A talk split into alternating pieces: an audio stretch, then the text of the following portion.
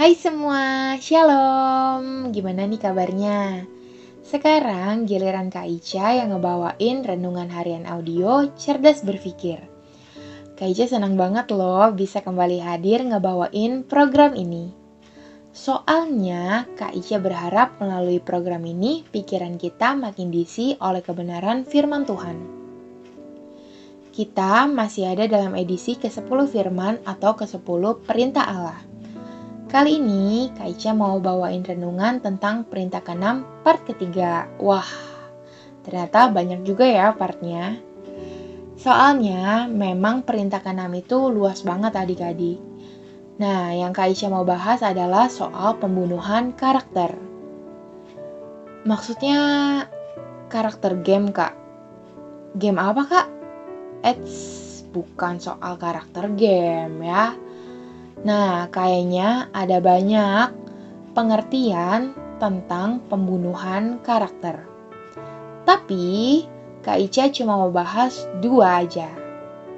Nah, yang pertama, menurut Wikipedia, yang udah Kak Ica sederhanakan bahasanya, pembunuhan karakter atau perusakan nama baik adalah usaha-usaha untuk mencoreng atau mengotori nama baik seseorang Nah, tindakan ini dapat meliputi pernyataan yang melebih-lebihkan atau memutarbalikan fakta untuk memberikan kesan yang tidak benar tentang orang yang dituju. Ini sama aja kayak fitnah. Nah, makanya ada yang bilang fitnah itu lebih kejam daripada pembunuhan. Karena fitnah, nama baik seseorang jadi jelek di mata orang lain. Akibatnya, kalau dia udah kerja, misalkan, dia bisa loh dipecat adik-adik dari pekerjaannya. Atau misalkan orang tersebut masih sekolah. Nah, dia bisa mendapat hukuman atas perbuatan yang gak dia lakukan. Contohnya nih ya, misalkan Tono. Nah, Tono ini nyontek pas ujian adik-adik. Pas guru curiga dan menegur Tono, dia malah nuduh orang lain yang nyontek. Kalau guru percaya, orang itu bisa dihukum. Kejam kan? Nah, dalam 1 Petrus 2 ayat 1 bilang gini nih. Karena itu, buanglah segala kejahatan, segala tipu muslihat, dan segala macam kemunafikan, kedengkian, dan fitnah. Nah, kita juga harusnya berusaha menghindari obrolan yang berpotensi fitnah. Kalau misalnya kalian dikasih tahu tentang seseorang, jangan langsung percaya gitu aja adik-adik. Kalau kalian mau sedikit repot, kalian bisa cari kebenaran informasi tersebut.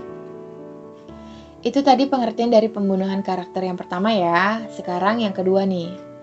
Pembunuhan karakter adalah perbuatan yang merusak potensi kebaikan dalam diri seseorang Nah, potensi kebaikan tersebut bisa bakat, karakter, dan lainnya.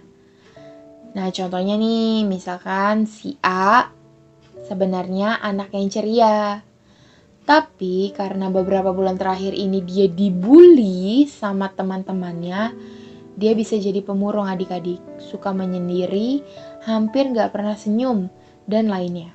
Dan memang Bullying adalah perbuatan yang dapat membunuh karakter orang lain. Kunci utama supaya kita nggak menjadi pelaku pembunuhan karakter, baik yang pertama tadi maupun yang kedua, ternyata ada tertulis dalam Matius 7 ayat 12 yang bunyinya seperti ini. Segala sesuatu yang kamu kehendaki supaya orang perbuat kepadamu, perbuatlah demikian juga kepada mereka Itulah isi seluruh hukum Taurat dan kitab para nabi. Nah, jadi kita harus memperlakukan orang lain seperti kita ingin diperlakukan. Gak fair dong kalau kita ingin dihargai orang lain, kitanya malah gak menghargai orang lain. Jadi, yuk kita sama-sama belajar memperlakukan orang lain dengan baik seperti kita ingin diperlakukan. Oke? Nah, yuk sekarang kita berdoa. Tuhan, kami mengucap syukur untuk renungan hari ini tentang perintah ke-6 part ketiga. Menceritakan tentang pembunuhan karakter.